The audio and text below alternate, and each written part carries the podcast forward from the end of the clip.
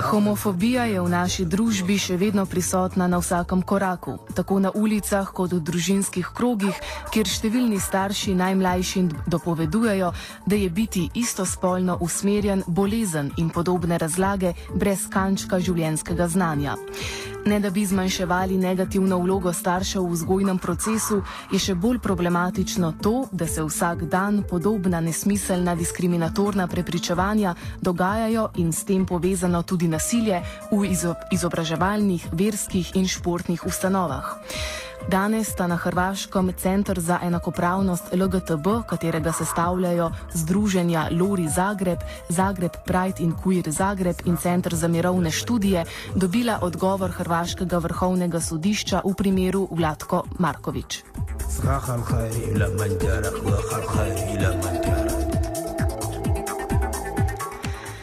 Markovič je bivši predsednik Hrvaške nogometne zveze, ki je oktobra leta 2010 za čas svojega predsednikovanja pri zvezi javno izjavil: Homoseksualci ne bodo igrali za hrvaško nogometno reprezentanco, dokler bom predsednik HSN-ja z razlago, da nogomet igrajo le zdravi ljudje. Prej omenjena Centr za enakopravnost LGTB in Centr za mirovne študije sta prejela odločbo, v kateri je vrhovno sodišče razsodilo, da je Vladko Markovič kriv za diskriminacijo na osnovi spolne usmerjenosti. Govorili smo z eno od njihovih pravnih zastopnic, Buda Klino. Da, evo, ja sam htjela reći da smo mi uh, podnijeli tužbu Eh, Županijskom sudu u Zagrebu radi diskriminacije u ime ovih udruga na dan ljudskih prava, nismo slučajno izabrali taj datum, 10.12.2010. godine. Radilo se o hitnom postupku, hitnom po zakonu, Presudu smo dobili u petom mjesecu 2011. godine, međutim odbijeni smo sa tužbenim zahtjevom jer je Županijski sud u Zagrebu utvrdio da nema diskriminacije i da izjave da homoseksualci neće igrati u Hrvatskoj nogometnoj reprezentaciji dok je Vlatko Marković predsjednik Hrvatskog nogometnog saveza i druge njegove izjave kako samo zdravi ljudi, a ne homoseksualci ovoga, mogu igrati nogome da to nisu diskriminirajuće izjave. Protiv tog smo podnijeli žalbu prošle godine, 2011. u petom mjesecu. U našoj žalbi se pridružio i pučki pravobranitelj i unatoč tome što smo tijekom ove zadnje godine i pol dana podnosili brojne požurnice, tek smo jučer dobili presudu Vrhovnog suda Republike Hrvatske kojom je preinačena presuda Županijskog suda kojom smo odbijeni dakle i promijenjena je na način da je utvrđeno da su ove izjave predsjednika Hrvatskog nogometnog saveza diskriminirajuće. Tom presudom se zabranjuje Vlatku Markoviću da, da u buduće istupa u medije na način da na bilo koji način diskriminira homoseksualce kao osobe iste spolne orijentacije Zatim mu se nalaže da se javno putem medija o svom trošku, dakle da objavi ispriku u večernjem listu u roku tri dana, dakle u, dnevnim novinama gdje je te izjave a, diskriminirajuće prije dvije godine i dao. I s druge strane nalaže mu se da objavi o svom trošku i presudu, ovu koju sam sada citirala, u večernjem listu u roku od tri dana.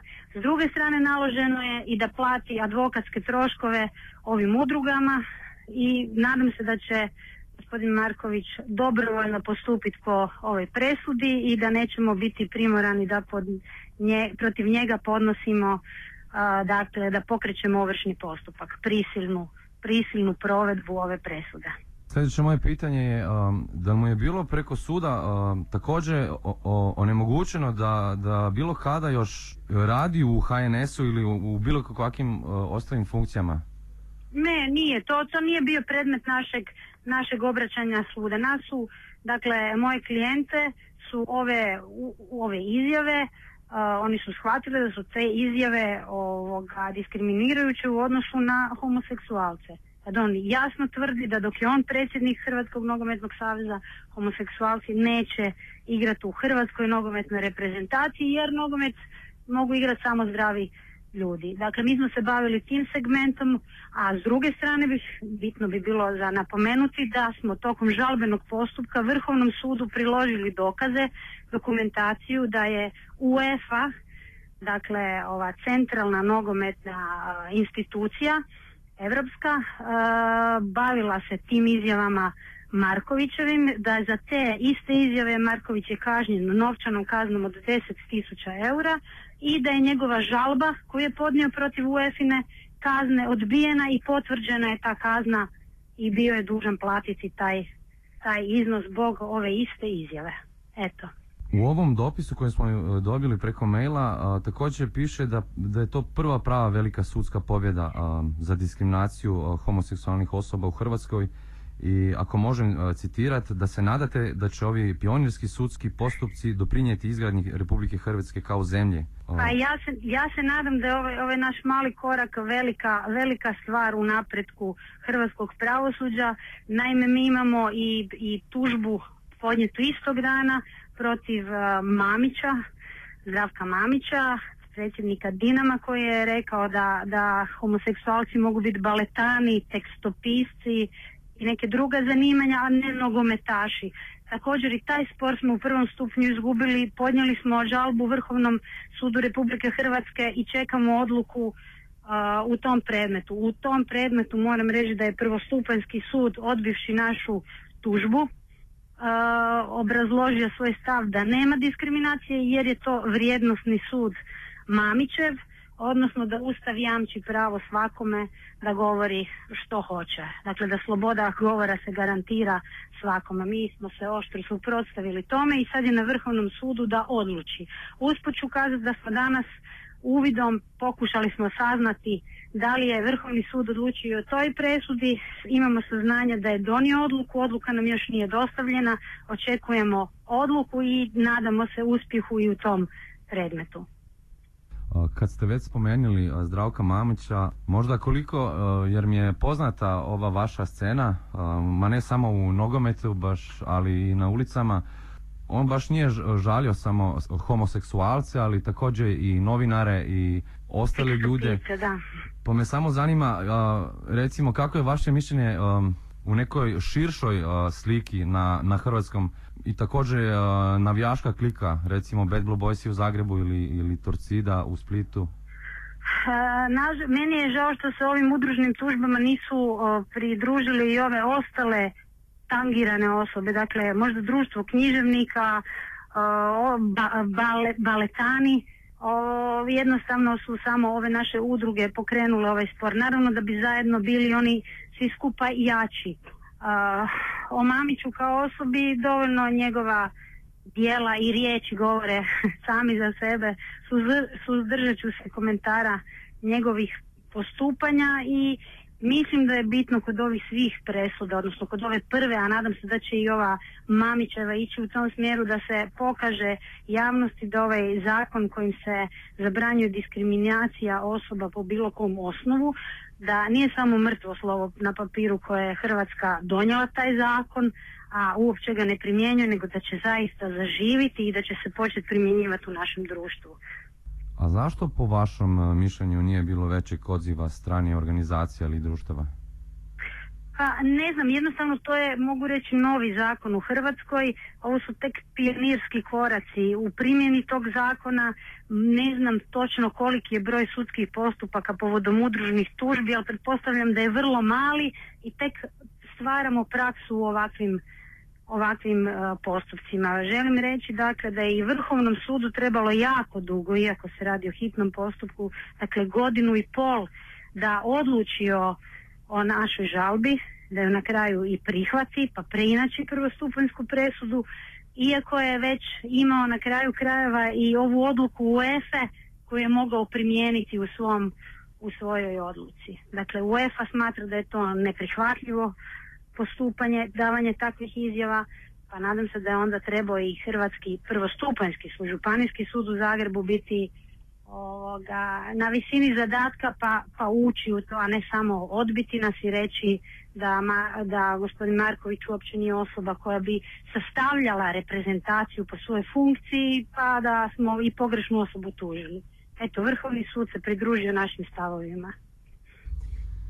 Evo, gospođo Lina Budak, hvala vam puno na vremenu i na informacijama. Molim, ja ću iskoristiti jednu priliku samo kratko da vam kažem. Možete. Iako sam jučer dobila presudu, a Županijski sud je primio 24.10. ove godine, na toj presudi je navedeno da je donesena 28.2.2012. Da li se radi o tipfelleru ili o nečem drugom ne znam, jer mi smo od, ve- od februara do danas podnijeli četiri požurnice, prije toga raspitujući se kod Vrhovnog suda da li je žalba riješena i rečeno nam je da nije. Eto.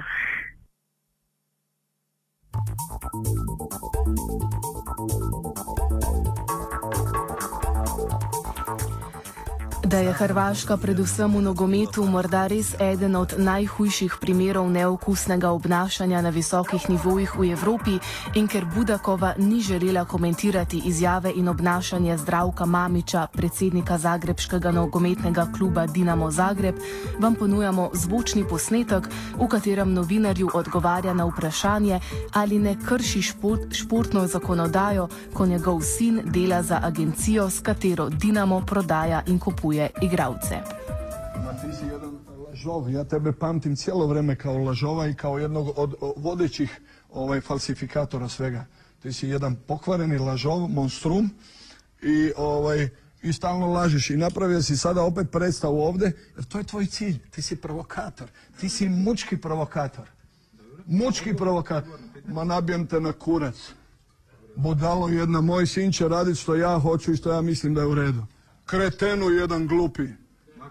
Mršu pičku materinu. Eto, sad si dobio svoje. Jebem ti mater u pičku. Ti jebem mater u pičku.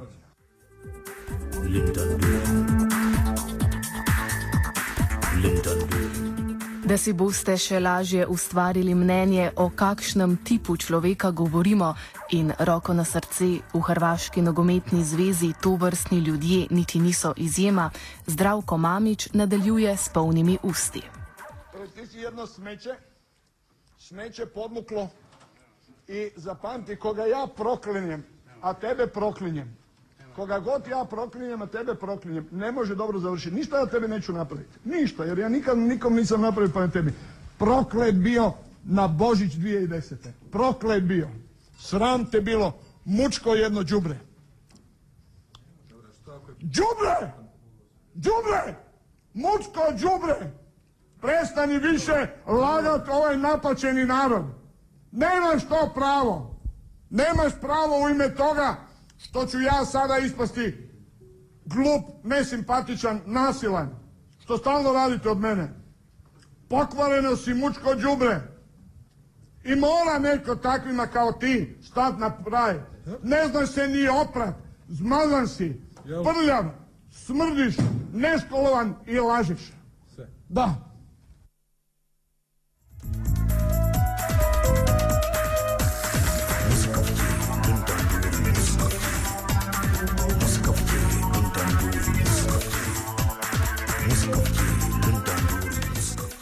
Offsajdu se je tokrat znašel Luka Počivalšek.